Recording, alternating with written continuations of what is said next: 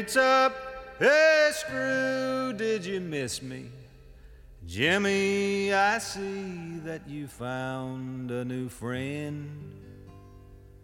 Warden, come down here and kiss me hello, cause I'm back home in Huntsville again. Welkom bij de Prison Show, het programma over delict, straf, herstel en terugkeer. Oprecht, onafhankelijk en baanbrekend. Want iedereen heeft recht van spreken en verdient erkenning voor wie hij of zij is. Met Edwin En Frans. Yes, I'm back home in Huntsville again. we zijn we er klaar voor. Aflevering 100 van onze podcast Prison Show. Eh, van harte welkom en gefeliciteerd Frans. Ja, dankjewel. De honderdste aflevering. Dat is toch eh, ongemerkt voorbij gegaan. In, eh, Dat we dat met elkaar hebben volgehouden. dat vind ik eigenlijk nog het bewonderend waardigste. Van jou met name. Ja. Dat, je dat, je dat gelukt is. En ik weet niet of de gasten die je hebt uitgenodigd dan een, een voorteken zijn voor onze verstandhouding. Of, Nou, hoe bedoel je?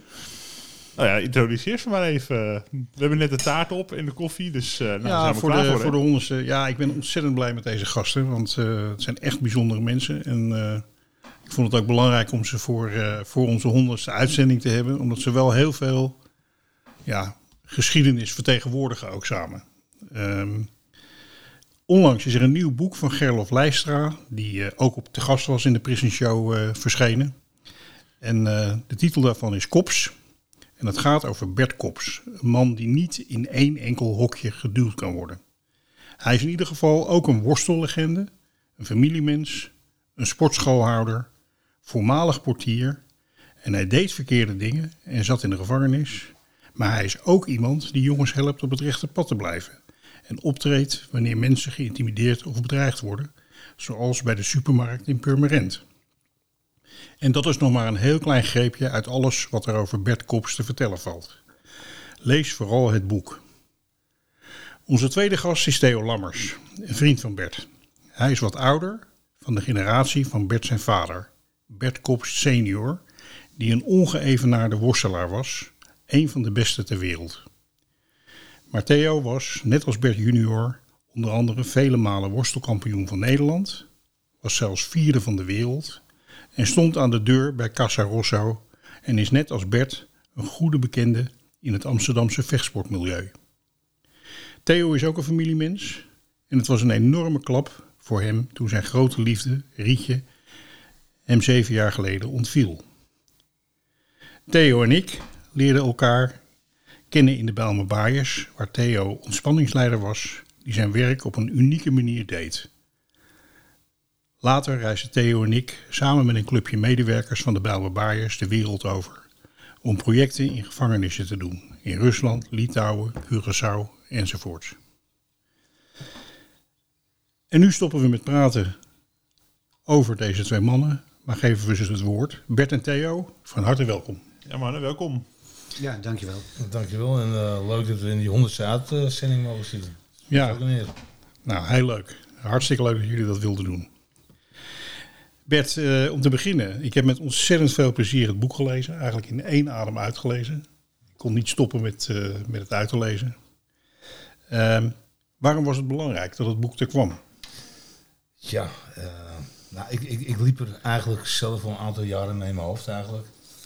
Het werd me gevraagd door mensen van Bert, wanneer komt je boek nou een keer uit? Ze hebben wel eens een keer een documentaire serie over me uitgezonden. En, en ik heb genoeg meegemaakt in mijn leven. Eh, onder meer Henk Schiefmacher, die, die had het er elke keer over als ik hem tegenkwam. En hij woont vlak bij de sportschool Henk. Dus ik kwam hem regelmatig tegen en dan was het van...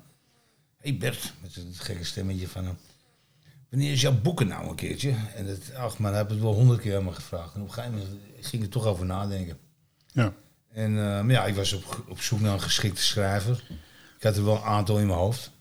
Jens Oldekalter, Koen Scharrenberg, Maarten Baks. Dat zijn allemaal mensen die bekend zijn in die De, de bekende verslaggevers ook. Ja. Misdaadverslaggevers. Ja, ja. Ja. Uh, en, uh, dus ik, uh, ik zat er wel mee in mijn hoofd. Maar ik, het, het kwam er maar niet van. Tot een jaar geleden. Toen stond er een artikel van de Telegraaf. Dat ik bij die supermarkt stond eigenlijk, in die coronatijd was dat. ja.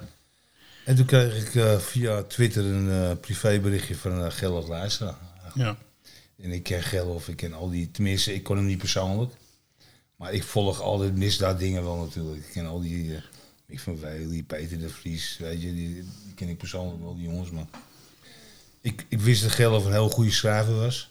Ja. Dus ik voelde me eigenlijk wel, eigenlijk wel vereerd eigenlijk. ja. En het, was op het juiste moment ook. Het was in die coronatijd minder te doen. Ik denk, ja, waarom niet? We gaan er gewoon voor. Je stond bij de, bij de supermarkt in Purmerend. Ja. Ehm, wat, wat deed je daar? Nou, ik zal je vertellen, ik, eh, een vriend van mij, die heeft een eh, franchiser, eh, die heeft een plus supermarkt.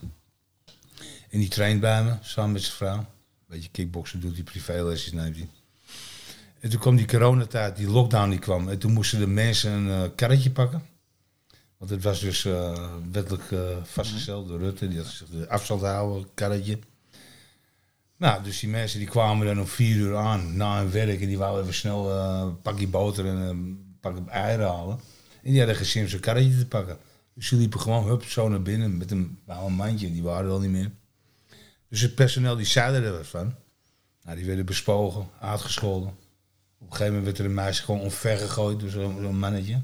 Die zegt niks ervan, dat maakt jij niet uit, boem. Dus die Jeroen, die eigenaar, die belt mij op en zegt... Bert, ik weet dat je niks te doen hebt. Kun jij even hier naartoe komen? Laat ik je even wat beelden zien. Dus heb je me een half uur lang beelden laten zien. Hoe, dit, hoe, dit, eh, hoe noem je dat? Die klanten tekeer gingen tegen het personeel. Niet te geloven, hè, eigenlijk. Nederland liet zich van de asociaalste kant Ja, zien. dat is echt super asociaal. Ja. En toen heb ik gezegd, Jeroen, weet je wat? Laat mij hier staan. Ik ben er morgen. Kijk of tegen mij ook zo'n bijhand staan. Dat lijkt me een verschil. Ja, dus ik stond daar en die meeste mensen die kennen me wel. Mhm. Ja, en een heleboel ook, konden me ook niet natuurlijk. Mhm. Ja, die zagen wel even een ander persoon staan dan zo'n personeel jongetje. weet je ja. wel. En die mensen die dus heel bij de hand waren geweest, die herkende ik op die filmpjes. Maar ik denk, ik ga, niet, ik ga ze niet over aanspreken wat ze gedaan hebben. Ik ga gewoon zeggen, karretje. Nee, ik ga karretje. Ik eh, loop zonder karretje. Dus je zegt buigogen, dus ik pak hem aan zijn oor zo. Dat was juist die keel die de meisje een daal gegeven. Dus ik pak hem met zijn oor. Zeg, nou moet je hier komen. Nou pak jij dat karretje en nou ga je gewoon grap. Nou, vanaf dat moment was het buigen voor me. En, eh, Ja. en iedereen pakt gewoon netjes zijn karretje man. Ja. En ondertussen weet iedereen wie ik ben natuurlijk nou. Dat, eh, dat ging snel natuurlijk daar ook. Ja. Dus het eh, was heel leuk en het was voor mij ook gelijk een geweldige afleiding. Want ik stond er elke middag drie uurtjes achter elkaar. Ik kwam tussen de mensen. Ja, of je nou een lockdown op de bank legt. Ik, dit was voor mij ook iets ongekends natuurlijk. Want ik ben 35 jaar lang elke dag in die sportschool. Ja. Allemaal mensen om je heen. En op een gegeven moment eh, zit je een week thuis en ik uh, lag in Netflix te kijken. Ja. Dan- De sportscholen die hebben- zijn een van de meest getroffen sectoren geweest ja. door de regelgeving. Eh, on, onwijs lang zijn die dicht geweest. Nu, nu mag er opeens eh, mag er gelukkig weer van alles. Ehm, dus ja, het was voor jezelf ook een beetje de dag, eh, de dag doorkomen in een eh, leuke afleiding. Nou, en wel we- echt goed werk hoor. Want ik, Ja. eh, ik moet eerlijk zeggen, hier in Westzaan, ik ken die eh, supermarkt eh, eh, chef, die ken ik goed, Fred. Ehm, en alhoewel ik het zelf nooit gezien heb, want het is over het algemeen vrij rustig. Hij heeft hij een keer een boekje open gedaan tegen me over wat zijn mensen dus mee moesten maken daar. Toch wel. Dat lijkt toch heel erg op wat jij zegt. Ja. En dat is heel snel en, het, eh, en heel agressief, waardoor mensen terugdijnen. Dan zijn ze weer weg. Dus het, het gaat in een flis voorbij.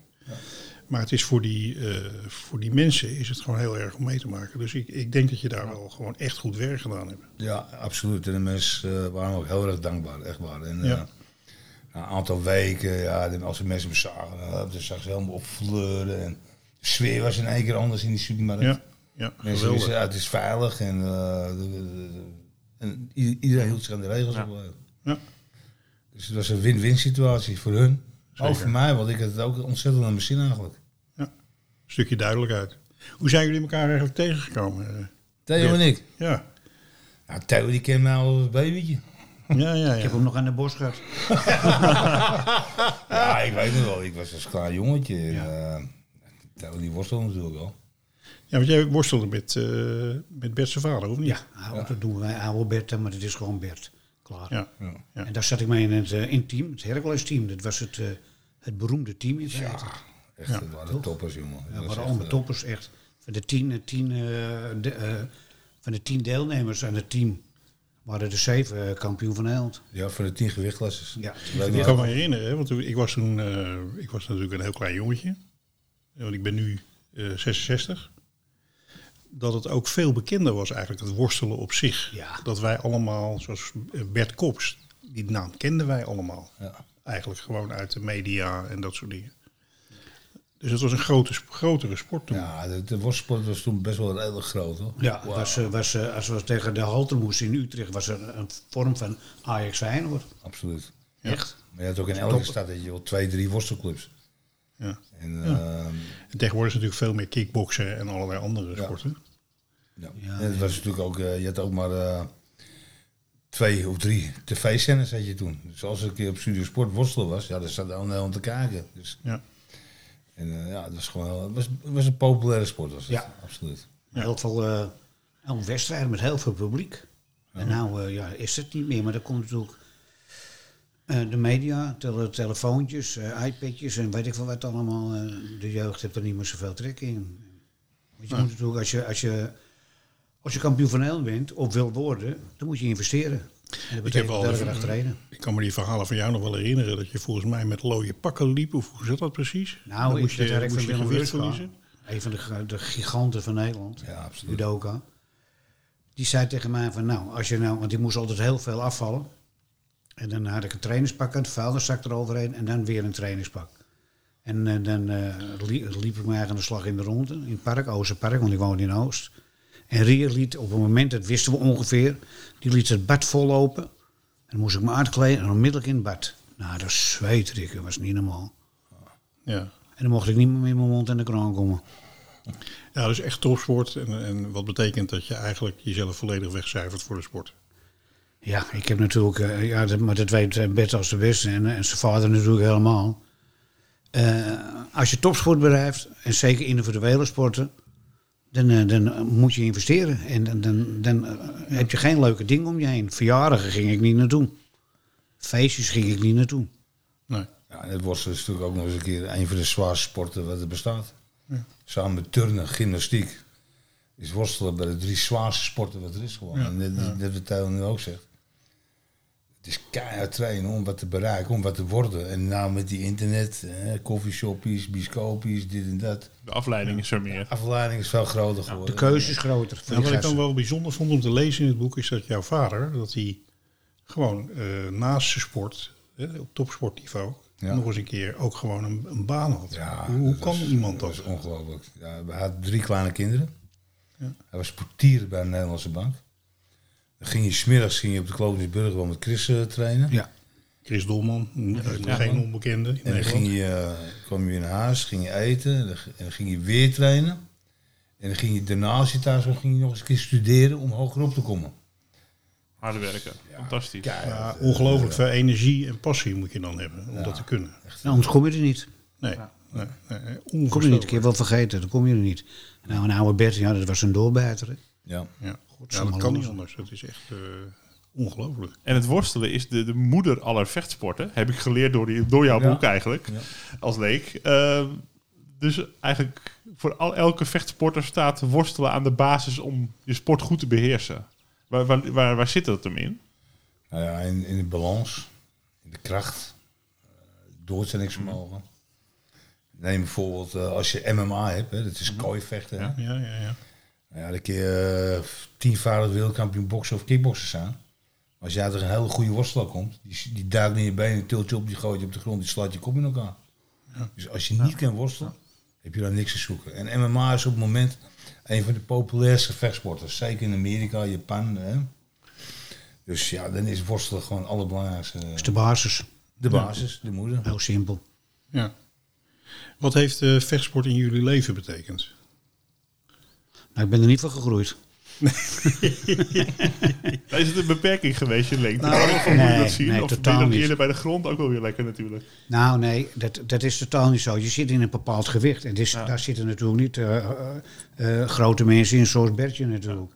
Maar je zit in een bepaald gewicht. En iedereen heeft, tenminste veel mensen hebben een specialiteit. Op een, ik had mijn armzwaai. Daar heb ik echt heel veel mee getraind. Met een fietsband en een deurkruk. En iedere keer instappen, instappen, instappen. En ehm, ja, Bert weet het wel. Ik had een armzwaai. Die was niet te... kon- Ik weet ook niet wanneer die kwam. Het ging automatisch. Was En- in- op intuïtie was het eigenlijk. ja, was niet normaal. Theo was wel een van mijn favoriete worstelaars, hoor. Dat geloof ik wel, Ik vond het ja. geweldig om te zien als klein jongetje. En, eh, ik mocht Theo heel graag al natuurlijk.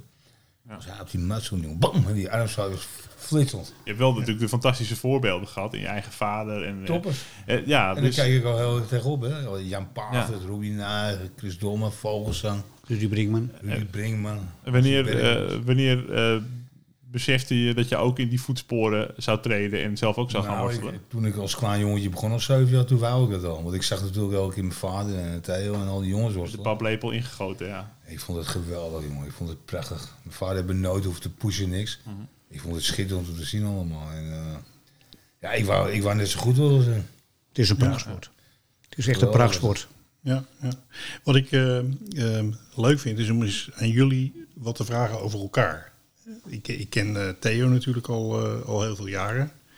En eh, ik ken Theo dus als iemand die, waar die ook komt, we zijn echt op rare plekken geweest hoor. Dat we het, op een paar, rond een paar honderd gedetineerden in Georgië. En Ja, dat weet ik. dat we echt geen, geen woord konden spreken in een taal met die mensen. En wat ik altijd gezien heb bij Theo, is dat waar die ook kwam, hij had meteen contact met iedereen. En mensen begonnen meteen te lachen. Ja, dat heb ik ook. En het was meteen. Maar, daar, ga ik zo Theo wat over vragen. Maar hoe, hoe zit dat bij Theo? Hoe, hoe werkt dat nou bij hem? Heb je daar een idee van? Want je, je kent hem eigenlijk al je hele leven, hè? Ja, ja, ja, dat is gewoon super humoristisch. is. Hm. Klein voorbeeld, ik was een paar dagen geleden jarig.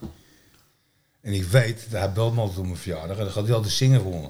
Maar ik zit in de buim aan de sportschool met nog allemaal jongens om mij. En ik zie Theo belt. Dus ik zeg, jongens, let op. Theo belt en die gaat zingen. Dus ik zet hem op de luidspreker. Langs dat leven, langs dat leven, langs dat... Ja, ik moet even snel zingen, want België goed op. Dat langs dat leven. dus we lagen in een duik gemaakt. Hij weet me altijd te verrassen. Ja, ja, ja, ja. Die kon hem nog niet. Ja, ja, ja. Een batterijsbaan leven, zei Ja, hij. ik, zeg, ja, ik weet niet wat ik zeg. Ik zeg van alles op de dag. Heel snel zingen. ja. En we lagen allemaal in een deuk, jongen. En zegt hij heel snel, ja, een batterijsbaan liggen. Ja, ja, ja, ja, ja, ja heel, heel herkenbaar. Maar ik, ik heb één eh, ding altijd. het is de toon die de, eh, die de muziek maakt in je leven. En hoe is je oogcontact? En misschien kunnen we daar gelijk even op schakelen. Ik weet nog wel die, die, die Free Fighter in Sint-Petersburg, die gevangenis. Ja. ja? Ja? Ja, Dat ja, was een ja, dat was monster. een monster van een keer. Dat is een monster van een kerel. En iedereen was bang voor hem. Die liep, die liep de celdeur eruit, hè, gewoon. ja. Ja, jij hebt nog een shirtjes gehaald, toch? Een keertje om mee te nemen daar naartoe. ja, volgens mij wel. Ja, Ja, ja. ja, ja. Ik weet wel, en daar hadden ze extra sloot op gedaan. Hè? Maar de- nou, ze gingen er ook in eh, met, als ze erin gingen om hem even te fixeren, eh, was er altijd een hondje bij. Hè, bij je? Ja. Nou, toen op een gegeven moment, eh, nou, ik zeg, ik wil wel even met een babbel. Ja, nee, dat kon niet. Nou, dan was, iedereen was in paniek, hè, gelijk. Hè. Zeg, nou, dan vier luikie. Ja. Geen Russisch en hij geen Engels. En ik kijk hem aan. En toen begon ik eh, spierballen te laten zien van, eh, over hem dan, weet je wel. Ik zeg, poeh. en toen ging ik namen noemen. Uit de free fight wereld. eh, ja, alles, al die jongens noemde ik op. Nou, binnen twee tellen zat hij tegen het luikje aangeplakt. Top. Nou, dat was helemaal te gek. Ja. En toen mocht, heb ik gezegd, nou, gooi die deur maar open. Ja? Ja. Toen is hij eruit gekomen, heb ik met hem over het vlak heen gelopen. Ik heb er nog foto's van. Tilt hij me boven zijn macht. Iedereen kreeg een staande beroerte. Die dacht ik, oh, die pleurde zo naar beneden. Maar helemaal niks. En hij vertelde mij dan allemaal geheime dingen. Hij had een lepel, speciale lepel. Daar kon hij de deuren mee openmaken. Ja. Niemand wist het, maar ik wist het binnen eh, tien minuten. Ja. ja Mooi, geweldig. Maar dat, eh, dat, eh, alle psychiaters en psychologen die er zaten... die kregen allemaal een, een schrik van hun leven. Ja. Ja, maar hoe komt dat? Nou, vertel het mij maar. Ik weet het Nou, ik heb in de FOBA, weet ik nog, dan, eh, FOBA was toen de heftigste plek van Nederland, zou je kunnen zeggen. Hè, De mensen die kwamen uit gevangenissen die helemaal doorgedraaid waren, kwamen vastgebonden. eh, onder de Bijlmerbaaiers door kwamen ze binnen. eh, uit isoleercellen naar boven, naar het dak. Iedere dag matten. Dat was echt iedere dag matten. En ongeveer één keer in de tien dagen raakte er een personeelslid eh, gewond. In de FOBA in die tijd. Ja, pittig. Wat deed Theo?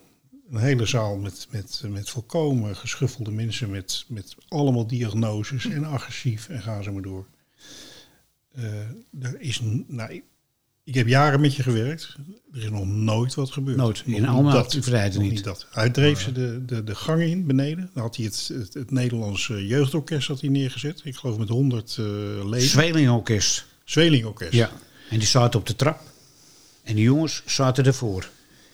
En dan had ik allemaal palmbomen gehuurd en zo en alles, weet je wel. Het was heel gezellig. En die zaten klassiek te spelen. En iedereen zat eh, goed te luisteren. Ja. Op de gang, op de centrale gang. Dus ze konden alle kanten op vliegen. Niks aan de hand. Nooit wat aan de hand. Dat was echt uh, En fantastisch. ik heb ook do- dokter Anders P. gehad. Hè. Oh ja. Dat was met er een. hè. En dan had ik, ik had vroeger een jeep. Zo'n land, die had ik van Joop de Vries gehad.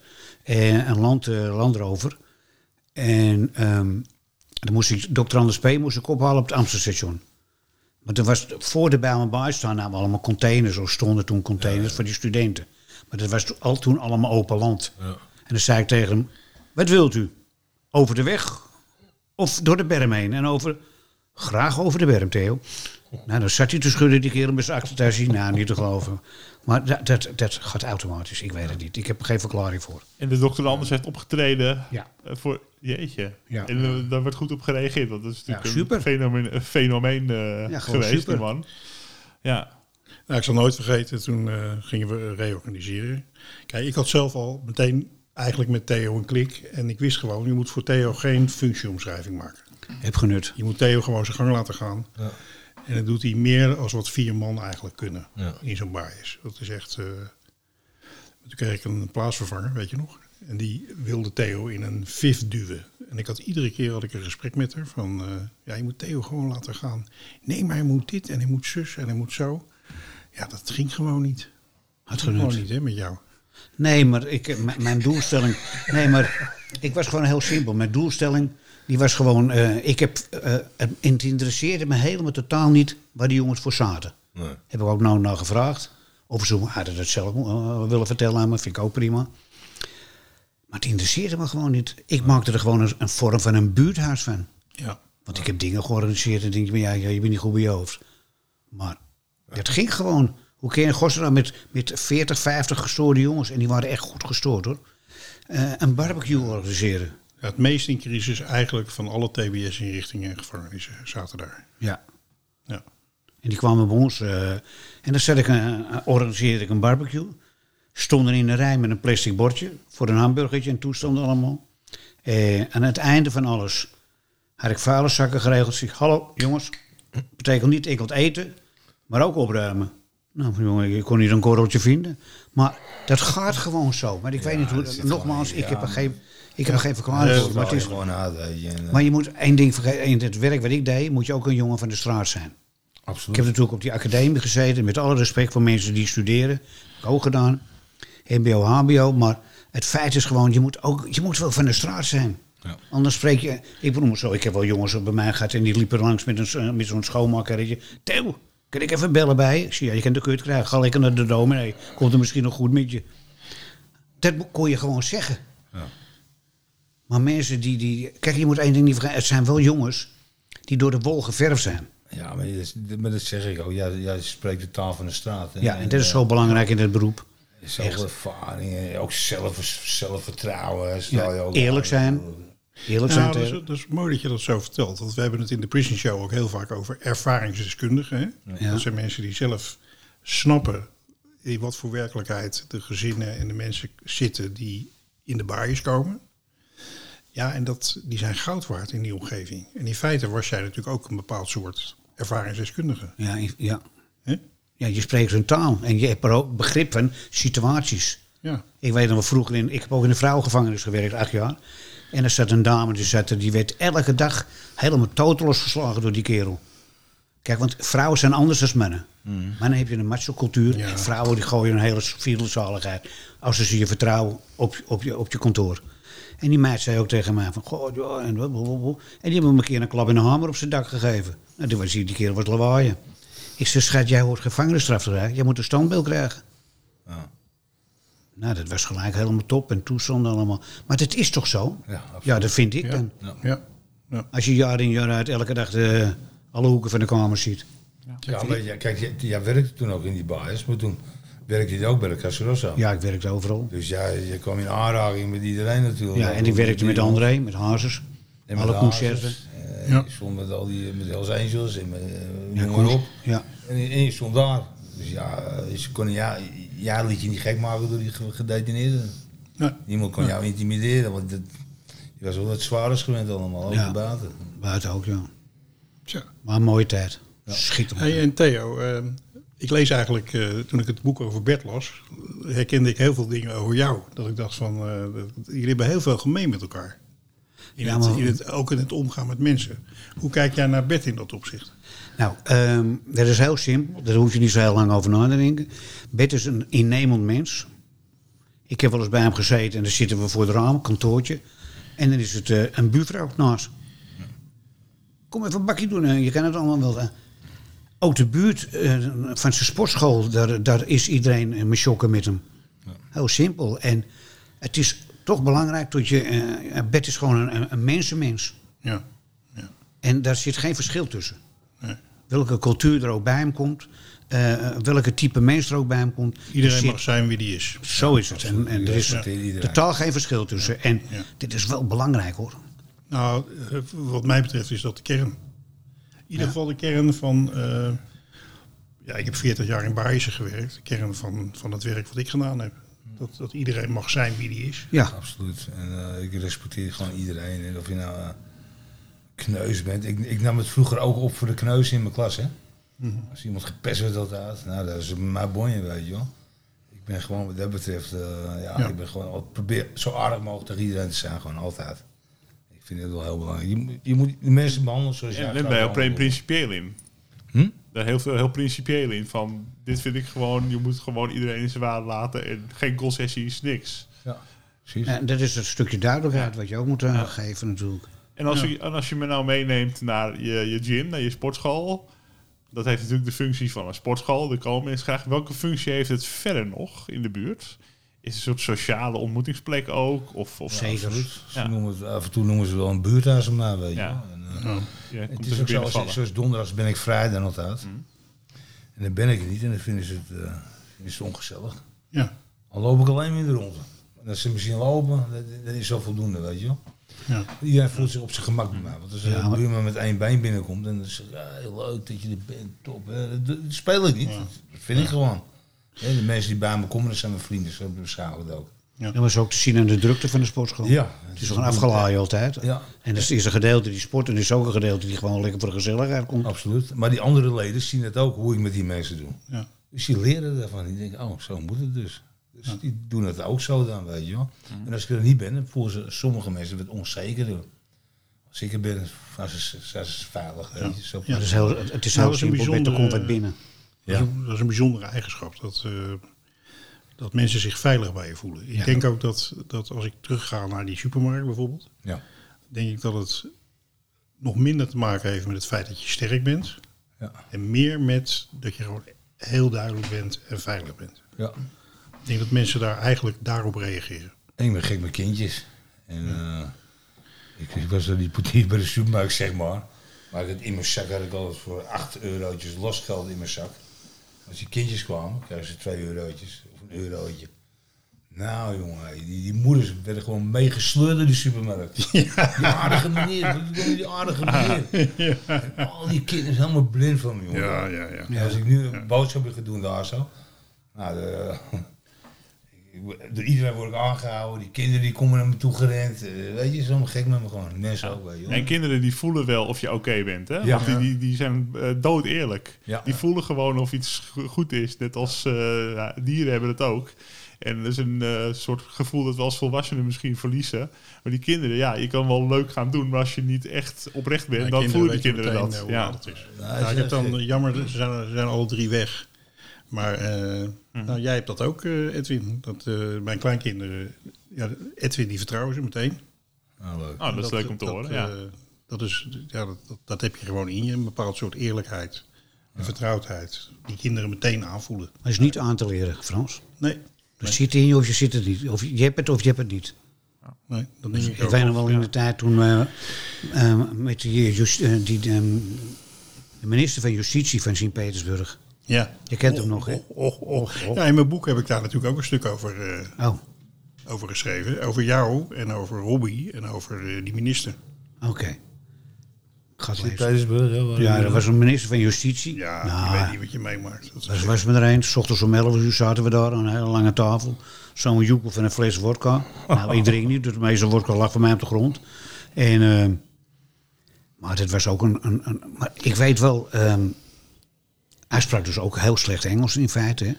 ja. En dan kwam hij in Nederland en dan vroeg hij gelijk naar mij. En het is nou niet zo omdat ik er dan ben. En, maar hij zei ook tegen mij, Theo, ik kan morgen niet mee. Want wij organiseren dan zo'n hele tour voor die gasten, allebei, af en TBS. en. Ik kan morgen niet mee, ik moet even naar Parijs. Kun jij dat regelen? Ja, nou dan regel ik dat voor hem. Maar hij zit niet met het vliegtuig. Maar, maar ik weet hoe het begonnen is tussen jullie. We zaten daar op dat kantoor in Sint-Petersburg. We keken zo uit over het Winterpaleis. Ja. Aan een tafel van zeker 20 meter. Hè? Ja. Met allemaal vlaggetjes erop. En ehm, nou, het begon over, eh, begon hij heel officieel te praten van de vriendschap tussen volkeren en noem het allemaal maar op. En daarna kwam die fles eh, wodka kwam op tafel. En eh, gingen we proosten hè, op alle moeders van de wereld. En, eh, vriendschap gordijnen. Tussen de volkeren. En proost overal op die wereld. En op een gegeven moment haalde hij eh, een hele dure fles, bijzondere fles wodka uit een koelkast. En jij en Robbie liepen meteen met hem mee. Dat zijn, zulke jongens zijn het ook. Hè. Ze blijven niet in die tafel zitten, maar deze loopt dan meteen met zijn man mee. En toen zag jij die hermelijnmantel van hem in die eh, kast hangen. Generaalsmantel. Die de Russische generaals bij officiële gelegenheid geleden dragen. Dus die Theo die maakt met handen en voeten aan die man duidelijk van joh, trek even dat ding aan. Nee, zegt hij, dat is voor officiële gelegenheden en dit en dat. Ah, heel eventjes voor mij, even eventjes, eventjes.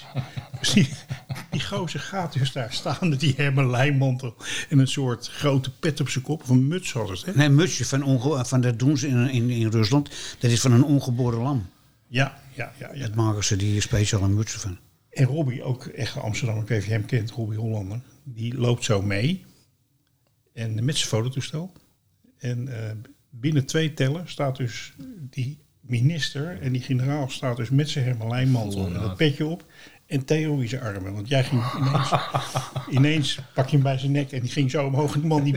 Hup, en, en Robbie, tjik, tjik, tjik, tjik, die was, die was aan het fotograferen. Mooi hè? Ja, en toen had je hem ook helemaal ontwapend. Ja. Toen kwam hij later kwam hij ook naar Nederland. En toen wou hij alleen maar met jou. eh, Ja. En ik kan me wel herinneren dat hij, dat hij de Rosse buurt in wilde. Want ze, Ik heb ze, hem overal mee naartoe genomen. genomen. ze, ze zakken, ze zakken puilden uit van het zwarte geld. Ja, nou. Goh. Ja. Ja, maar niet normaal. Maar hij is nu nog, eh, hij is nu rechterhand van Poetin, geloof ik. Of zoiets, hè? Hij is in ongenade gevallen toen, Ja. op enig moment. En later, eh, want Poetin komt ook uit Sint-Petersburg, is die, die kent hij nog van school. Ja. Is hij een van zijn vertrouwelingen geworden. En het is, eh, ja, het is een enorme foutenrik is het. Ja. Weet je wel, hij doet, hij doet de vreselijkste dingen doet hij daar in Rusland. Met mensen. Oké. Ja. Maar Maar, ik heb- dat soort avonturen, hè, dat was echt, dat was echt. Maar dat was ook met die twee eh, uit, eh, uit Georgië, geloof ik. eh, Die eh, directeur-generaal. Ja. En nog eentje. Die had, ik, eh, die had ik meegenomen naar de Casa Rosso. En ik had met Jan geregeld, en Jantje Otter, die had ik geregeld dat, eh, dat ze er gratis in konden en zo en toestanden. En al, ik had het allemaal wel nou, boven zitten. En uh, nou, rondje, was allemaal geen punt. Nee, zit hij, nou wil ik betalen. En dan haalde me een pak geld tussen zak zich. Er waren drie campers die hij zo had. Ja, ja dat, was, normaal. dat was heel, heel bijzonder. Echt heel bijzonder. Hele bijzondere dingen meegemaakt. Hè? Nou, Hij was, hij was lazers op een gegeven moment. Ochtends, hè. Zou die ook komen? Was eh, de directeur nog van, eh, van, eh, van de stichting, van eh, GIP, was erbij. ja. Die was helemaal dronken, die kerel, die, die, die eh, directeur-generaal. Hij had een hele dure digitale Leica-camera. Was niet niks. Hij moest er binnen, of hij kon er binnen, maar hij mocht zijn camera niet meenemen. Hij was zo kwaad. Gooide die camera op de grondstuk en liep er zo uit. Oké. En had een directeur bij zich van een gevangenis. Die liep achter hem mee, want ja, hij zegt... Ik kan wel, niet, ik kan wel hier blijven staan, maar dan ontslaat hij me. Dus die liep met hem mee en dan stonden we. Ja, wat ik, eh, om nog even terug te gaan eh, naar, die, naar die vechtsport. Hè. Ehm, ik ben het er- erg met je eens. hè. Mensenmens en, en, en die manier van contact maken, dat heb je of dat heb je niet. Hè. Ja.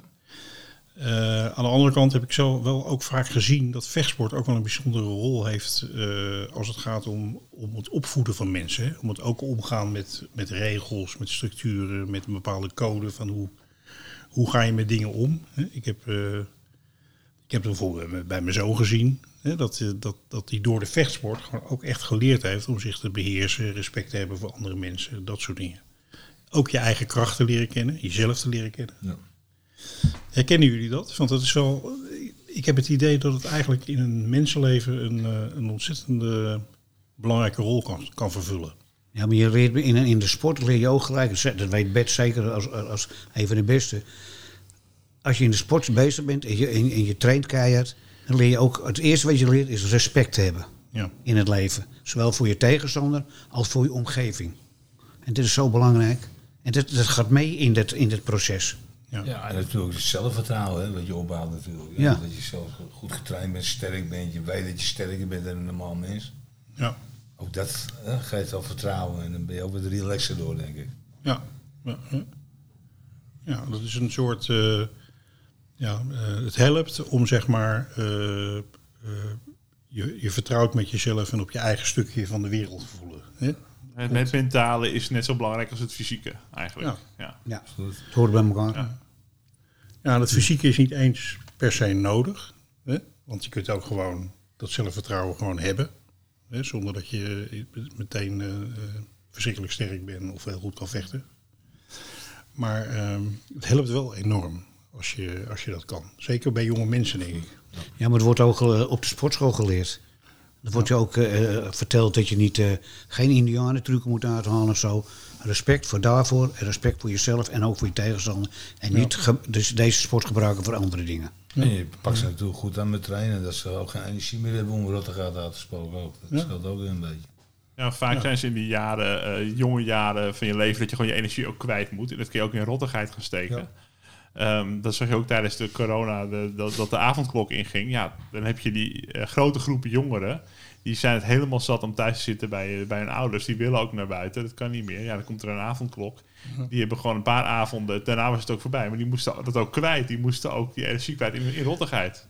Ja, wat ik altijd mooi vind, eh, eh, Peter Faber, die, die hebben wij ook geïnterviewd. En die noemde deze jongens, jongens die zitten te wachten op actie, die actie willen. Weet je wel, die gewoon bezig willen zijn, die energie hebben. Dat vond ik eigenlijk wel een mooie omschrijving. Ja, ik ben, nog wel, eh, ik ben ook nog wel, toen met die rel gedoe, dat was in het begin, eh, ben ik ook nog wel s'avonds teruggegaan naar de supermarkt. Dat was toen ook die avondklok zou komen. En, eh, Ja. dat gerucht dat ze zou komen, weet je wel. Daar stond ik dan een geldje van. Maar, dan komen we dan. maar ik heb ook een heel duidelijk statement gemaakt op Facebook, Instagram, LinkedIn. Zo van, ik heb uh, kreet erop gezet. Jongens, luister goed. Als ik erachter kom dat je bij mij traint en dat je ook relt en ellende maakt, Je schop dicht, ik- eh, dichter bij de microfoon komen. dus schop ik je gelijk uit het team. En Ja. Als ik erachter kom, Ja. dat je gaat liegen tegen me, dat je dat doet, ben ik er klaar mee. En heel toevallig was het ook afgelopen toen gelijk. maar op LinkedIn heb ik wel meer dan honderdduizend reacties gehad hè, erop. Ja. Ja. En eh, zo breed uitgemeten werd het ook, ook in de pers. Dat ik echt die statement heb gemaakt, weet je wel. En, eh, ja, heel toevallig. En niet daardoor natuurlijk, maar er is in één keer over. Ja. Maar het helpt wel mee. Het heeft zeker meegeholpen, zeker. Ja, maar we kennen ook een paar kleine winkeliers, ook in Purmerend, die gewoon de hele nacht toen in een, in een winkel hebben ge- geslapen. Ja. Om maar een oogje, want die waren doodsbang dat hun winkeltje. En ja, dat is gewoon waar ze van leven. Dat, dat gewoon, dat je gewoon schoenmakerij of dat je schoenenwinkel vond- of iets. Ik vond het verschrikkelijk wat er toen gebeurde, die rel toestanden. Ik zeg niet dat wij de liefste zijn geweest, maar dat vind ik zo, zo is asociaal, zoiets doms. Die winkels kapot plunderen, jongen. Nou. Ja. Dus ik ging er staan met die gabber van mij. Ik denk, wij pakken gewoon die honderd mannen. Ja. Dat zelfvertrouwen had ik ook. En ik denk, als ze mij zien, de helft rent toch wel weg dan. Nou, het is ook een heel psychologisch proces. natuurlijk. Ja. Bedoel, Als jij iets zegt, denk ik, dan, ehm, dan raakt dat die jongens. En dan Absoluut. kan het ook heel goed zijn dat ze, dat ze zich realiseren, ja, maar wat ben ik eigenlijk aan het doen? De ik nou boodschap komt gewoon over. Ja. Komt keihard over inderdaad. En, Het eh, ligt eraan wie het zegt. Dat toen ook ja, met, ja, die, ja. eh, met die hooligans die mee gingen lopen in Breda, zeg maar. Dat heeft ook geholpen. Ja. Die gingen ook eh, die hun stad verdedigen op een gegeven moment. Ja, Dat werd gewoon middeleeuwen werd het dan. Ja. Sukkeltjes, die hadden op, een- op een gegeven moment geen trekken meer in. Die allemaal oh, 15, oh, 16-jarigen die, die Precies. uit zijn op eh, een beetje eh, Precies. rellen.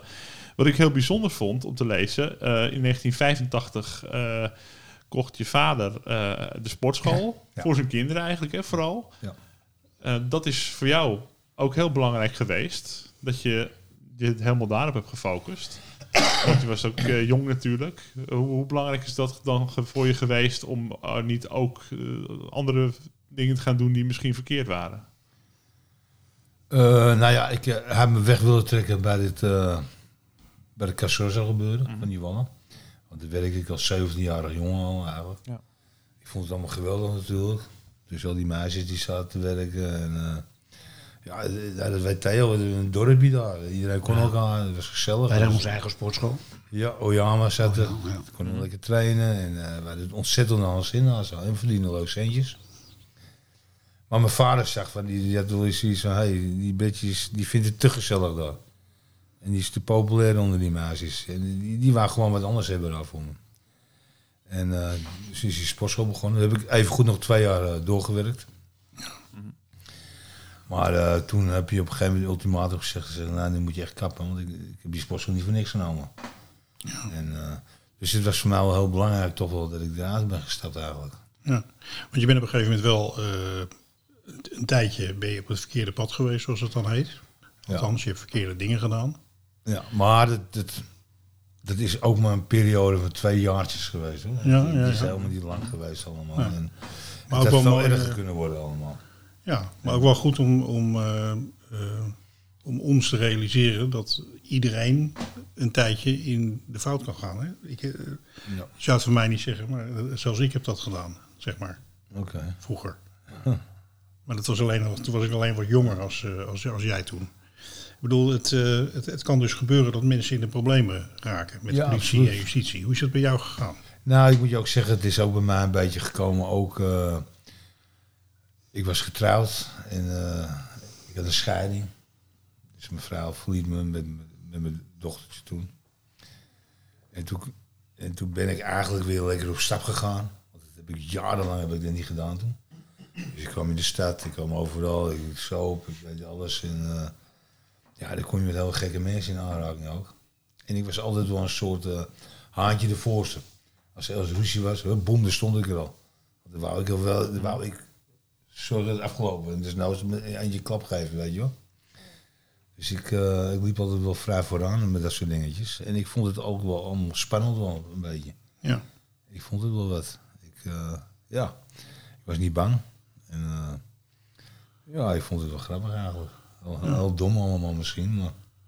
Nou ja, ehm, wat ik lees is dat je op een gegeven moment eh, gingen jullie allerlei dingen doen om ehm, te zorgen dat je, dat, je, dat, je, dat je iemand aan de deur kon zetten. Hè? Onder andere in Purmerend Ja, en dat ja, soort ja. dingen. Nou, dat zijn wel een soort van maffiapraktijken zou je kunnen zeggen. Ja, En- absoluut. Maar wel op een heel eh, knullige manier, dat moet ik zelf wel zeggen. Ja, was op de, was op de Koemarkt, hè? Koemarkt. Eh, mensen hier in de regio, we zitten dan in Zaandam, een bekend eh, uitgaansplein in Purmerend. Ehm, dat eigenlijk om, om iemand voor de deur te krijgen om bescherming te bieden. Hoe, kreeg je dat voor elkaar? Nou, het was namelijk zo, in, in, Purmerend, in, in Amsterdam had je wel overal portiers staan eigenlijk, de jongens aan de deur. Maar in Purmerend had je dat helemaal niet op de Koemarkt. En toen kreeg ik een, eh, een discotheek, eh, er kwam een heel nieuwe discotheek en die vroegen aan mij of ik de protectie wou doen. Ik had in Amsterdam al een paar zaken die ik al deed, zoals die eh, Barbarella, de snackbar. Er stond elke nacht een portier en dat regelde ik. En er was er nog een tent in Zandvoort, had ik een portier staan, in Amsterdam nog een, nog een tentje. En toen kreeg ik ook een permanent in de discotheek. En toen had ik zoiets van, hé, hey, ik wil die hele Koemarkt eigenlijk wel hebben. Want er zijn allemaal kroegjes. En er staat helemaal niemand voor de deur. En iedereen kent me. En dan had ik een paar jongens om mij aan lopen. Die, eh, ja, daar had ik een mooi groepje meegemaakt eigenlijk. En toen kwam het ook nog zo met Dino dan. Dino Sorel. Ja, die ken ik Een ook. heel bekende Ja. jongen natuurlijk. Die kwam net vrij van die barkruk eh, gedoe met Martin Kok. Ja, ja, ja. En Dino was nog een, een oude jeugdvriend van me. En die kwam op een zondagavond naar me toe en zei... Bert, ik weet dat jij dit en dit doet. Dat doe je hartstikke goed, man. Hij zegt, eh, kan ik je daarbij helpen? Ik kom vrij van de week. En dan, ik je bent altijd mijn grapje geweest. En samen zijn we nog sterker. Dus samen gaan we het doen. Dan hadden we plannetjes in elkaar gezet. Nou, dan gingen eh, een paar jongens die gingen dan uh, biljarten. Nordin Ben Salah, oud bokskampioen. Ook, die werkte voor me. En die gingen met een andere Marokkaanse jongen gingen ze biljarten. Nou, dan liet ik uh, een mannetje of vier, vijf jongens van de sportschool mij. Die liet ik naar binnen gaan. En die moesten ruzie gaan zoeken met die Marokkaanse jongens. Terwijl we eigenlijk één groep waren. Ja. Nou, die kwam binnen, binnen vijf minuten ging er glas in de lucht heen en een gekke. En bam, die deur die ging weer open en dan kwam ik weer binnen. Ik zeg, kappen, kappen. Dus ik trok ze uit elkaar en boem. En dan kijk ik naar die barman en die eigenlijk, ik zeg, zie je, als ik er ben is er niks aan de hand. Weet je wel, zo ging het een Ja. beetje. Ja, ja, ja. En zo hebben we een aantal vechtpartijen opgezet eigenlijk. Ja. Maar ja, die, eh die kroeg-eigenaren die hadden het allemaal in de gaten natuurlijk. Want het gebeurde natuurlijk wel op een lullige manier. Er werden geen wapens. Het ging allemaal... eh, we gingen hun ook niet pers- persoonlijk benaderen ervoor, weet je wel. We wouden toch een beetje slinks aanpakken. Ja, op een gegeven moment had iedereen gewoon in de gaten dat we het maken waren. En... eh, Maar, maar toch hebben ze je ingehuurd. eh, ik had eh, een paar tenten onder de protectie staan inderdaad, ja. Ja. Hartstikke goed. En eigenlijk sindsdien is het, ik weet niet of het nog, nog steeds als het eh, straks allemaal weer open gaat, de clubs. eh, we zitten nu aan het einde van de lockdown een beetje. Of, of, of er nog steeds portiers staan in Purmerend. Er staan wel, eh, Ja. nou weet ik niet, misschien een enkel tentje wel. Maar het is, die tijden zijn helemaal veranderd natuurlijk. Ja, moment, geleden, hè, dit. Ja. op een Ja, ja, moet je een beveiligingsbedrijf, die moet gelieerd zijn aan zo'n tent. En dan moet je allemaal papieren voor hebben. Je moet allemaal gediplomeerde De, de veetjes eh, staan dan voor de deur. Ja, maar dat ja. was in die periode niet. Ja. Dat was helemaal, eh, dat bestond helemaal Wel, maar je zocht iemand die daar wel geschikt voor was en die ja, zette je dan stond neer. gewoon eentje voor de deur dan. En als het ons niet beviel, dan eh, haalden we die weg. En dan zetten we een eigen jongen Ja. neer. Hey Theo, jij, jij, jij, jij liep in hetzelfde milieu eigenlijk rond hè? In, in Amsterdam. Je stond ook aan de deur bij Casa Rosso, allemaal dat soort dingen. En ehm, of je bent nooit gedetineerd geraakt omdat je gewoon eh, eh, nooit eh, hele erge dingen gedaan hebt. Of je bent gewoon heel slim geweest. Dat, dat weet ik me nog niet helemaal uit. Nou, ik ben er wel uit. Ehm, en dat zal ik je vertellen.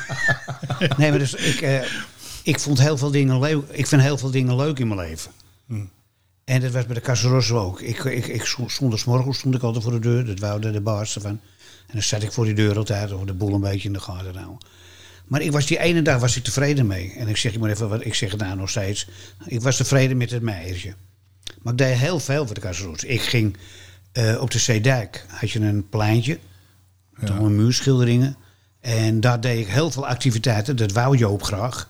Joop de baas van de Casa Rosso, Joop de Vries. Achter de molens tegen het plaatje. Ja, tot ik, daar, eh, ja, tot ik daar activiteiten deed voor de Chinese kindertjes in de buurt.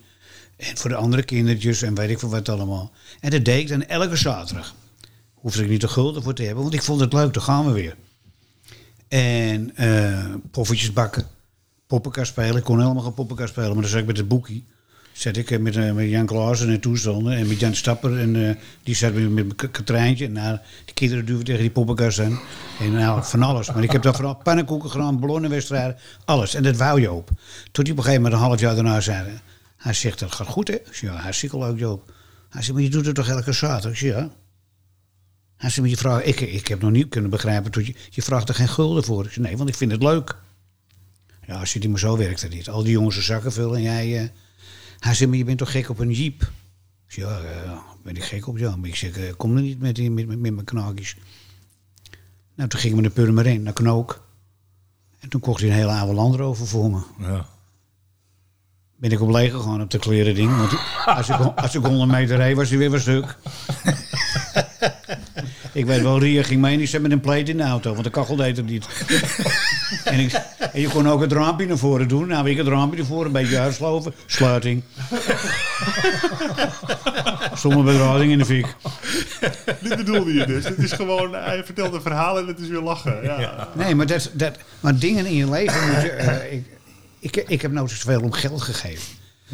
Ik, ik kan ook niet sparen. Want ik vind het zonde van mijn tijd om te gaan sparen. Zo, de niet erop. Ja. Ik ga niet sparen. Waarvoor? Voor wie? Ik heb een broer, die kon wel sparen. Maar ja, die heeft een huis in Portugal. ja. Waar je regelmatig eh, zit ook. Nee, ik ga altijd naar Spanje. Nou, Ik, maar ik huur al jaren een huis in Spanje. Elke ja, winter. Ja, ja, ja. Dus... Maar ik Ja. kan niet sparen. Maar ik vind dingen leuk in mijn leven. Ja. Maar ik heb wel dingen meegemaakt. Ook door Joop de Vries. Ja. Ik bedoel, zo, wij moesten worstelen in Amerika. Joliet, en Nebraska die kant op personen en in Chicago. Chicago, ja. Je hebt ook in de gevangenis geworsteld daar, hè? Ja, in een groot, Joliet Prison. Joliet State Prison, een van de Hele grootste. bekende, ja. Ja, een van de grootste gevangenissen van, eh, van, van Amerika. Er staat ook een artikel van in de panorama door Arnold Jan Scheer geschreven. Het team ging terug vanuit Chicago naar Nederland. En Bas en ik gingen door, dat was geregeld door Joop de Vries. En nou komt het, een primeurtje. Ik heb het nooit verteld, maar dat kwam omdat Joop nog leefde en de persoon in kwestie waar we naartoe gingen. En toen ben ik uit, eh, ben ik, eh, heb Joop geregeld en eh, toen ik naar, vijf dagen naar Miami kon. Wij vlogen dus vanaf Chicago naar Miami. En daar ben ik heel veel bij geweest bij Dino Cellini. En zoek het maar op, Dino Cellini. was een van de grootste maffiabazen van... eh, en dan ben ik ook in huis geweest. Ik ben ook de enige geweest, denk ik... Ja, dat weet ik haast wel van 99, 19 procent... die hem gefilmd heb voor want wou nu gefilmd worden. Hij woonde in een beschermd gebied. Want hij had die man had een hersentumor. En die is een half jaar daarna overleden. Dino. Maar dat zijn toch beleven. Moet ik erbij zeggen, op dat moment. Maar later, als je erover na gaat denken, zijn toch belevenissen, Frans. Dat Ja. werkt niet. Hè. Dan kun je wel zeggen, ja, eh, maffia en toestel. Maar ik liep op straat en dan zag ik die hele grote Scheppeling van Koetje. Die hangt boven die stadions. En dan rie- liep ik op straat met zijn zoon, Ricky. En dan zeg ik, goh, katarve. You want to fly? Come on. You want to fly? Tomorrow. En dag erop zat ik eh, in een Scheppeling. Achter het stuur met een Ja. ja. kerel naast me, die piloot en toestand allemaal. Ja. Is niet te geld uit te drukken. Ja, jij zegt van eh, Bert dat hij een eh, innemend mens is. Maar dat ben jij natuurlijk ook heel erg. Heel, eh, heel erg gericht op het positieve altijd. Als goed is wel. Je bent niet iemand die, die, die op zoek is naar geweld of ellende of ruzie of wat dan ook. Integendeel, hè? Nee, je, weet eigenlijk, zeur omheen. je weet het eigenlijk altijd te voorkomen. Ja. Ik probeer het allemaal te voorkomen en te ontsnappen. Want ik vind het allemaal... Mensen die zeuren en toestanden allemaal... Ik heb daar geen trek in. Nee. Daar heb ik ook mijn leeftijd voor tegen. Ziet er goed uit, maar er zit 20 liter botox in. De luisteraars, kunnen, de luisteraars kunnen het jammer genoeg niet zien. Maar je kan eventueel foto's opsturen. Nee, maar, maar, maar volgens mij ben jij altijd zo geweest. ja. Als, eh, als, eh, ik had van een week een filmpje op Facebook en dan zie je een klein kereltje staan. Tussen twee grote gasten. En die, die kleine goot een flesje zo stiekem leeg tegen die andere gozer zijn- zijn broek aan. Een, een, een sportbroekje. Dus je ziet een hele grote vlek. Nou, ik stuurde hem aan kennis van mij. Het eerste wat ze terugstuurde, dat had jij kunnen zijn.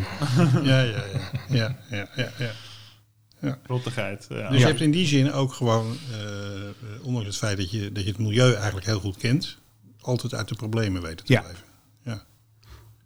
Ja. Maar ik zocht de leuke dingen en het geld was voor mij niet belangrijk. Ik kan er niks te doen, maar misschien is het wel een tekortkoming. Want dat kan ook hoor.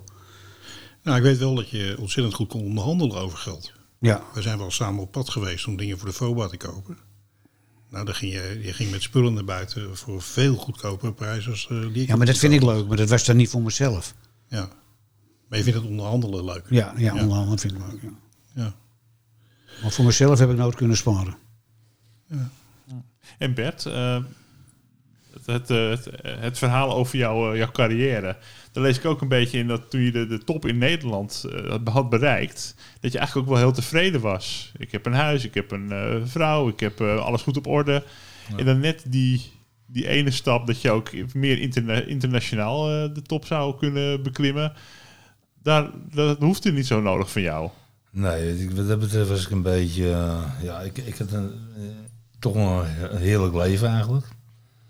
Ik, eh, ik had een lekker meisje.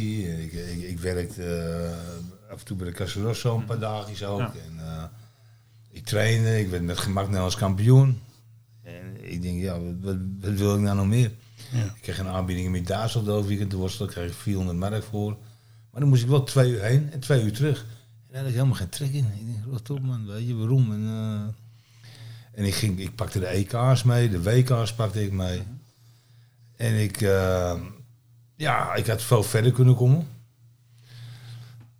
Als ik echt het karakter van die jaar had gehad, hè, want het, het doorbaat en alles. Maar dat had ik nu niet. Ik was een beetje, eh, wat dat betreft een beetje verwend eigenlijk.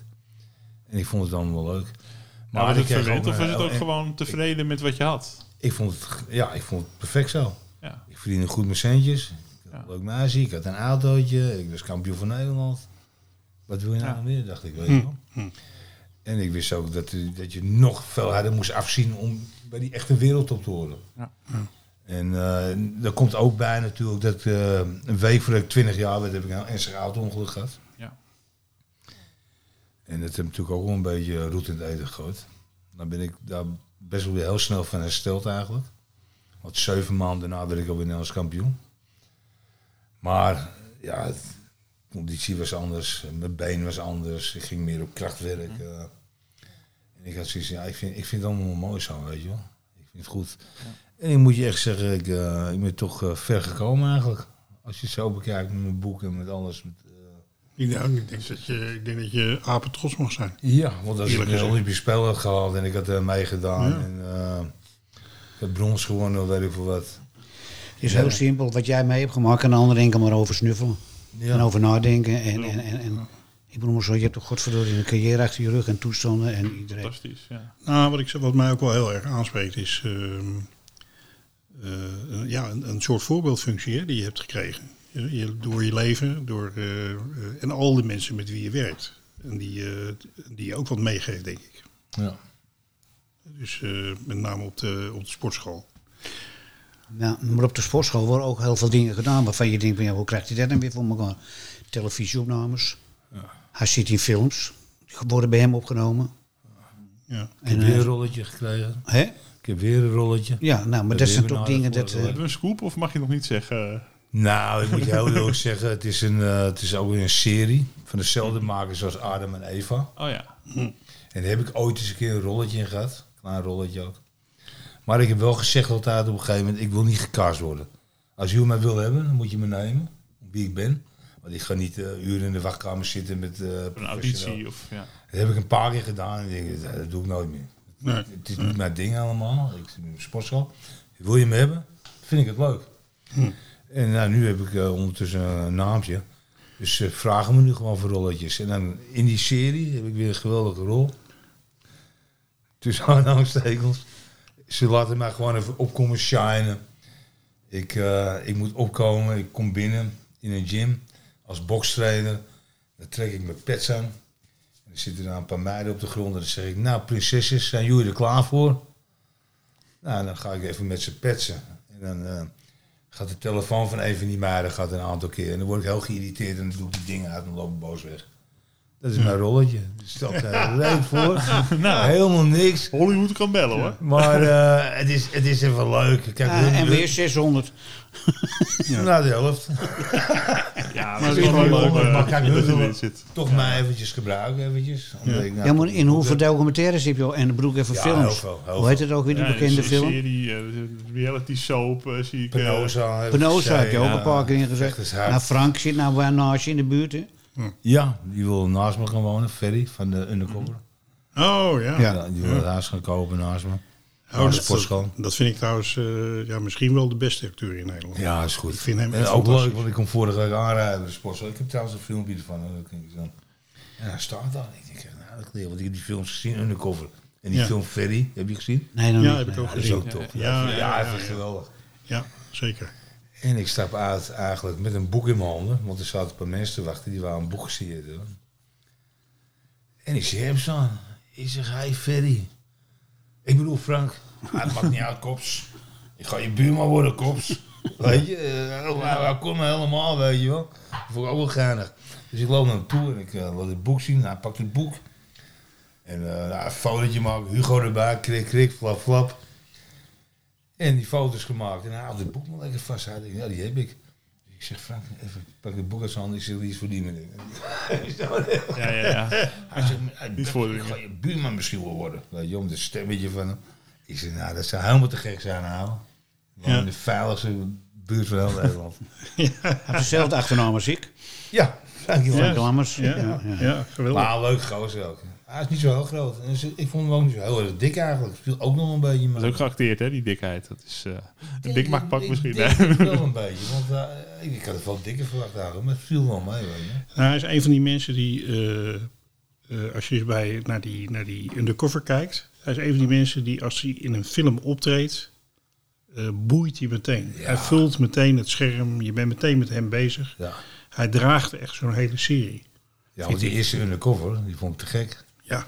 En dan kreeg je deel 2, daar had ik heel wat van verwacht. En dan zie je hem drie, vier keer een scène in de gevangenis. En dat was het. Dat is een enorme tegenvaller, En vond ik dat. vond ik, ja, uiteindelijk vond ik hem ook wel goed hoor. Want het, ik heb hem toch elke week gekeken natuurlijk. Ik vond het uiteindelijk wel leuk, maar het duurde even voordat ik erin zat. Ik, ik miste toch die Frank, weet je wel. Ja, had ik ook. Hij is even van de, van de kaart dan, of uit de- van de Hey. radar, ja. Nou zijn wij natuurlijk de Prison Show. Hè? En ik, ik moet gewoon aan jullie vragen wat jullie eh, denken van, eh, van, van gevangenissen. En wat daar belangrijk in is. En wat daar wat, hè, voor het gevangeniswezen. Hoe zou je het beter kunnen doen? Hoe zou je het anders kunnen doen?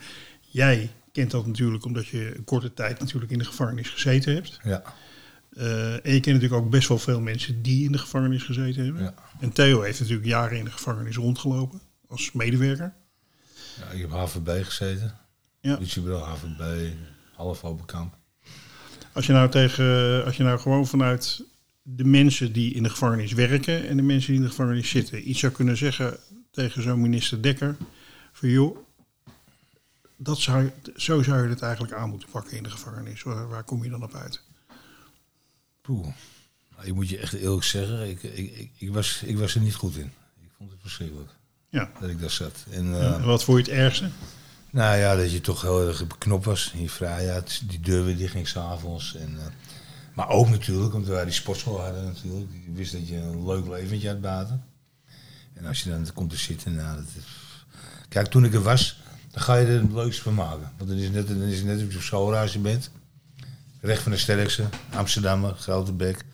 Dus je bent, neemt de leiding en iedereen luistert naar je. En, en dan maak je er toch wel wat van. Maar zodra die deur weer dicht ging, denk ik, wauw Ja. flipte ik echt een pan uit. En gelukkig hoefde ik maar vier- vijf maanden, zes maanden, weet je wel, in Ja. voorbij. Maar ik had er echt wel moeite mee hoor. Ik vond het wel helemaal Ik niet. hoor dat van, eh, van iedereen, grote kerels, stoer, eh, die ook gezien worden als keihard en noem maar op. Dat, eh, dat als je alleen achter die deur zit, dat je dan heel klein wordt. Hè? Wauw, ja, dat had ik wel. Ik zeg Ja. je heel eerlijk. Ik, ik vond het verschrikkelijk, echt waar. Denk je dat het helpt, gevangenisstraf, om mensen op het rechte pad te krijgen?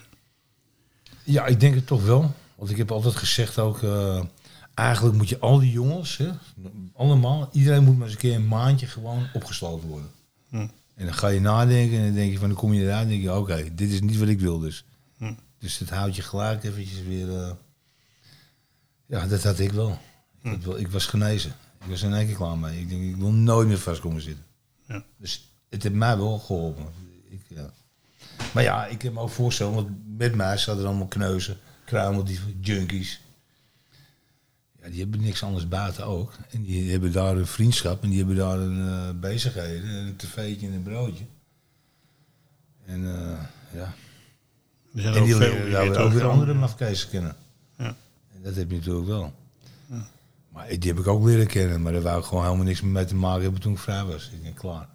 Dan ben ik vrij, nu ga ik gewoon lekker, boem. Mag nooit meer gebeuren dit. Hm. Dus ik heb er wel van geleerd. Voor jou was het echt een eh, les. Ja, dat is. Ja, Dan behoor jij tussen de mensen die, eh, die. Die zijn er ook best wel heel veel hoor. Die na één keer zoiets hebben van nou. eh, dat gaat nooit meer gebeuren. Ja? Ja. Ik heb zelf twee keer vastgezeten. Toen was ik 14. Ja? Het was maar een paar dagen in de politiecel. ja. Ik heb dat ook in mijn boek geschreven. In 1 april heb ik ook een boek Oh, uitgebracht. Oh, leuk.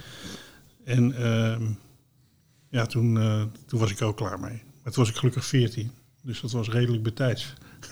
Ja. Hey, en Theo, als jij nou naar de gevangenis kijkt, hè, eh, wat is, eh, ik- heb jou wel eens horen zeggen van joh, resocialisatie, sodemiet erop, ze kiezen er zelf voor. gelul.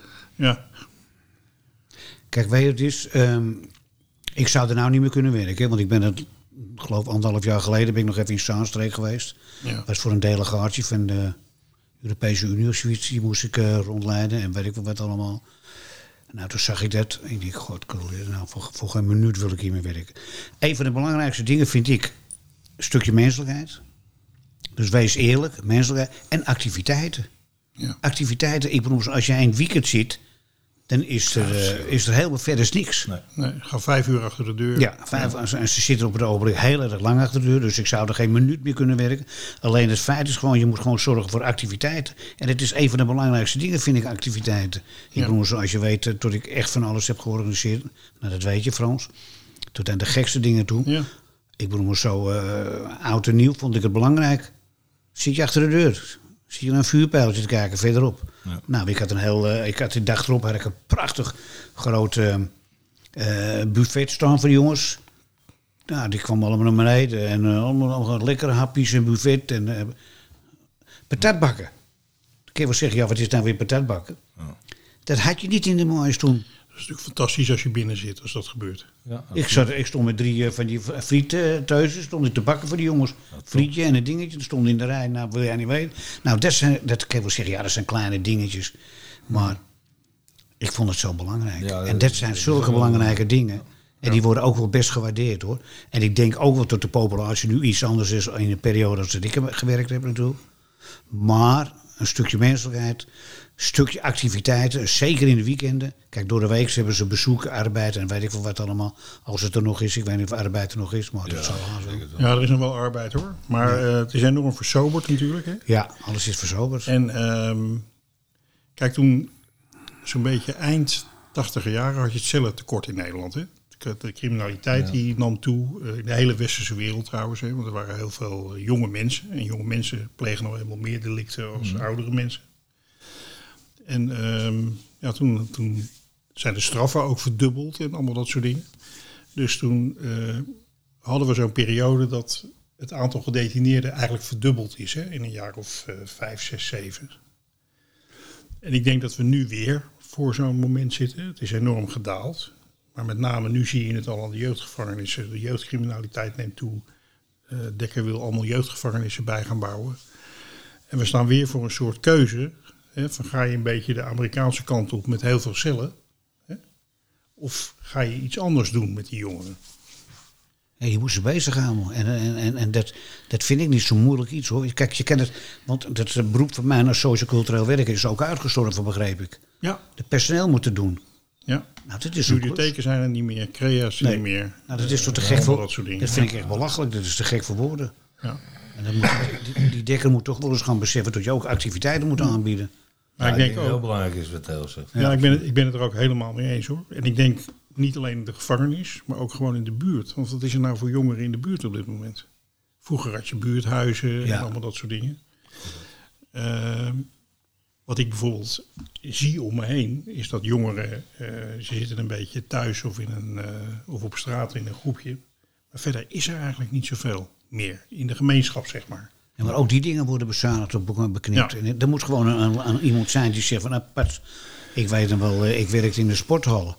En daar organiseerde ik ook, en dat was helemaal niet mijn beroep, hè, maar daar organiseerde ik ook van alles. Ja, Eh, tochten, zeskampen in, in de Jordaan was er, de Roze Dwarsstraat. ja. Nou, dat was geweldig.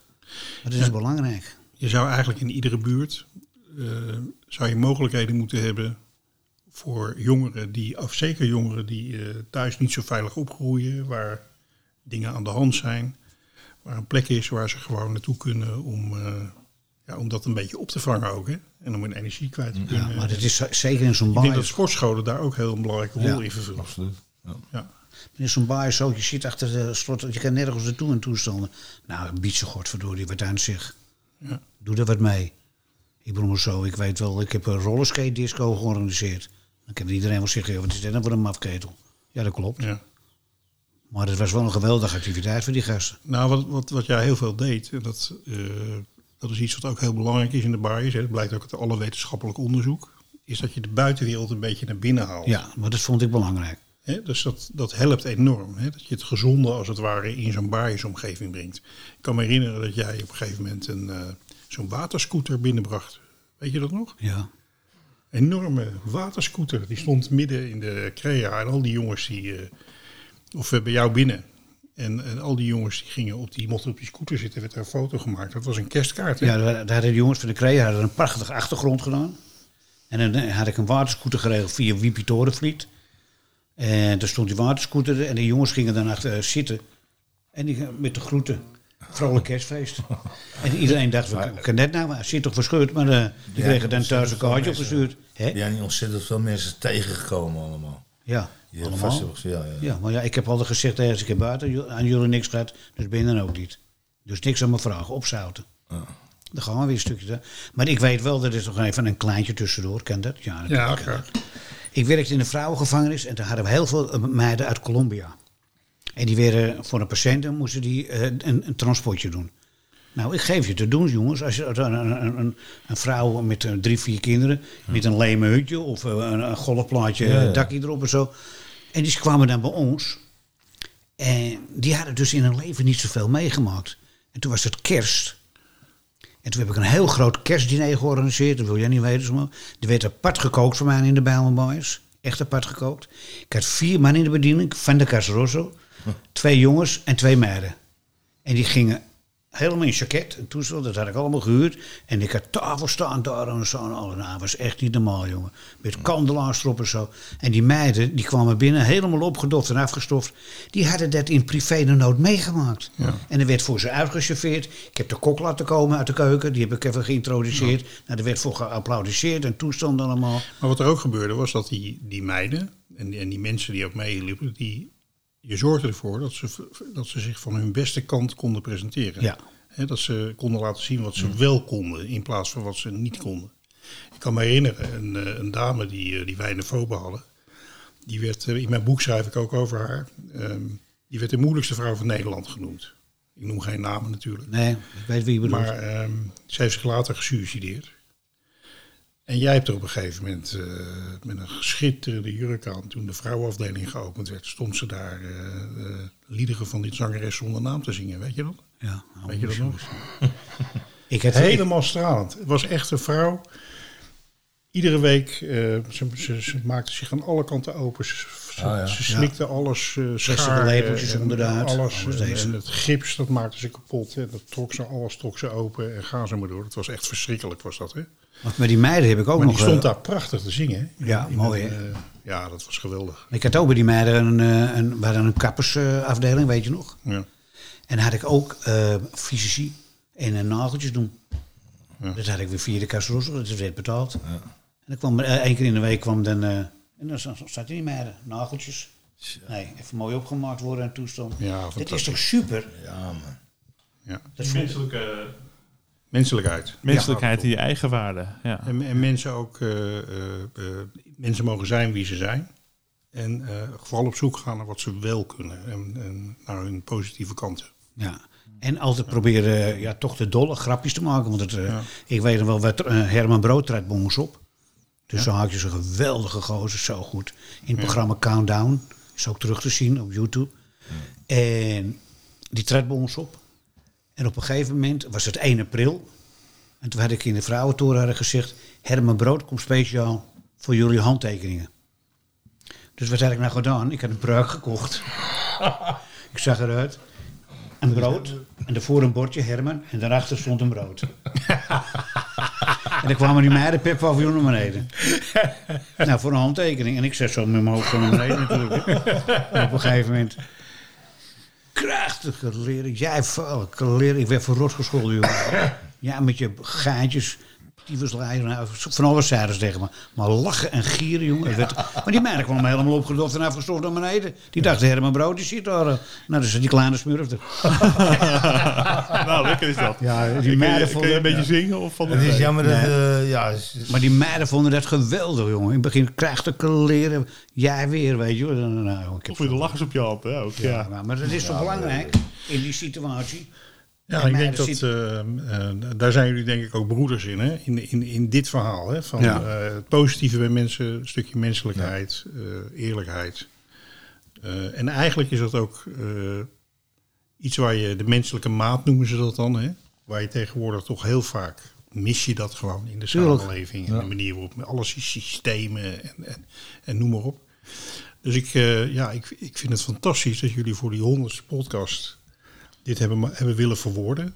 Hè? Vanuit alles wat jullie gedaan hebben en dat soort dingen. Ik denk, eh, ja, ik geloof echt dat dit, deze energie en deze insteek, dat dat is wat we nog veel meer moeten gaan zien in de komende jaren. Hopelijk. Ik heb liever dat dan dat we iedereen eh, op gaan sluiten, bij wijze van spreken. Ehm, dus eh, ja, ontzettend bedankt. En ehm, ja, het boek van, eh, van Bert, ja, dat moet iedereen gewoon lezen. Daar gaan we nog even een beetje reclame van maken. Zeggen we, er zijn nog heel veel verhalen in waar we niet aan zijn toegekomen. Heel veel. Maar dat wil je lezen gewoon. Dat wil je gewoon lezen. Maar het is een stukje geschiedenis wat je eigenlijk moet eh, lezen. Het gaat niet alleen over de vechtsportwereld, het gaat niet alleen over Amsterdam. Maar het gaat over een bepaalde manier van in het leven staan. Waarvan ik denk dat, eh, dat iedereen die, ja, iedereen het eigenlijk zou moeten lezen. En het is ook nog gewoon heel toegankelijk voor iedereen om te lezen. Het is niet ingewikkeld. Het leest eh, weg als een panorama, bij wijze van spreken. Dus eh, ja, ik denk dat iedereen hem eh, moet gaan kopen. Van het heet? aanbevolen. Kops worstelfenomeen aan de Weesperzijde. Dan weet je gelijk waar de sportschool zich bevindt. En waar je het kan kopen, dat eh, zetten we even in de omschrijving bij de podcast met een linkje. Er is een prachtige, prachtige foto op de voorkant. Nou, die wil je sowieso aan de muur hebben. Dat is, dat is een, een kunstwerk op zich. Weet je, voor wie die, weet je voor wie die is, die foto? Wie heeft hem, wie heeft hem gemaakt? Erwin Olaf. Erwin Olaf. Oh ja. Oh, tof. Ja, daarom Ja, is het een goede dat foto. staat ook in ja. het boek hoor. Dat hij dat, Ja, eh, ja. Ja, Maar hij is natuurlijk een topfotograaf. Dus eh, ja. Het is ook een hele, hele mooie foto. ja vind ik ook. Nou, dankjewel. Ik eh, bedankt voor de lovende woorden. Ja, nou, wel echt heel erg gemeend. En ook eh, heel erg verdiend, vind ik. Nou ja, in ieder geval hartstikke dank voor de uitnodiging. En zeker als het voor de honderdste uitzending. En we hebben het met graag gedaan. Ja, leuk. Absoluut. Bedankt. Heel erg bedankt. We hebben het ook graag gedaan. Volgende week dan eh, zullen we dan 101 doen? Gewoon podcast 101? Ja, of zullen we meteen naar 102 gaan? Nee, we gaan 101. Is goed.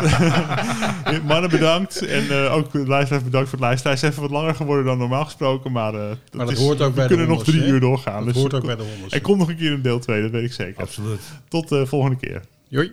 Yes, I'm back home in Huntsville again.